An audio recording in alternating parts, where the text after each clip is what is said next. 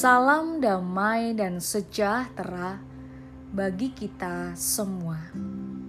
Saudara yang terkasih, hari ini kita akan bersama-sama merenungkan firman Tuhan yang diambil dari Lukas 17 ayat 7 sampai 10. Siapa di antara kamu yang mempunyai seorang hamba yang membaca atau mengembalakan ternak baginya akan berkata kepada hamba itu setelah ia pulang dari ladang, "Mari segera makan."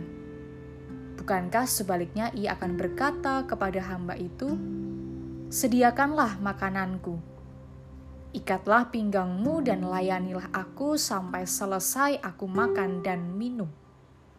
Dan sesudah itu engkau boleh makan dan minum. Adakah ia berterima kasih kepada hamba itu karena hamba itu telah melakukan apa yang ditugaskan kepadanya? Demikian jugalah kamu. Apabila kamu telah melakukan segala sesuatu yang ditugaskan kepadamu, hendaklah kamu berkata, "Kami adalah hamba-hamba yang tidak berguna."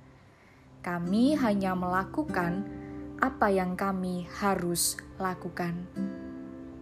Hati sebagai hamba. Inilah yang kupunya, hati sebagai hamba yang mau taat dan setia padamu, Bapa. Ini adalah bagian lirik dari sebuah lagu rohani yang berjudul hati sebagai hamba.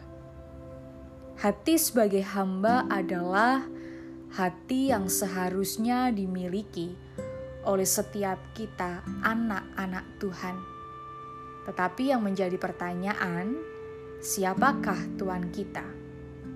Tentu Tuhan sendirilah yang menjadi Tuhan, di mana kita sebagai pelayannya yang harus taat dan setia kepadanya. Taat Berarti kita senantiasa melakukan apa yang menjadi perintah Tuhan kita dan tidak menolak apa yang menjadi perintahnya. Bahkan, menyerahkan segala hak pribadi kita secara penuh kepada Sang Tuhan, di mana kita bersedia diatur oleh Tuannya. Inilah ketaatan yang perlu dilakukan oleh seorang hamba.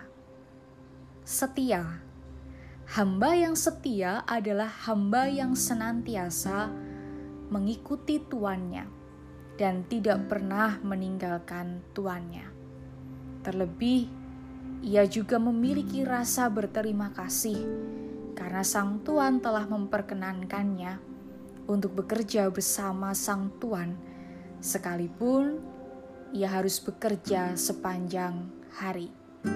Dari dua hal inilah kita belajar bahwa yang perlu dimiliki saat ini adalah melayani Tuhan sebagai Sang Tuan dengan hati, yaitu hati sebagai hamba yang taat dan setia. Melayani Tuhan berfokus pada mengerjakan apa yang Tuhan mau untuk kita kerjakan Melayani Tuhan menghasilkan buah-buah roh. Melayani Tuhan tidak menuntut penghargaan.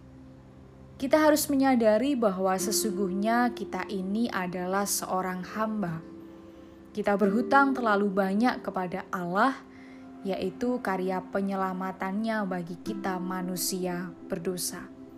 Maka bersyukurlah ketika saat ini kita masih diberikan kesempatan untuk melayani Tuhan. Pakailah hati ketika melayaninya, yaitu hati sebagai hamba yang taat dan setia. Selamat melayani Sang Tuan Agung, Tuhan Yesus memberkati. Amin.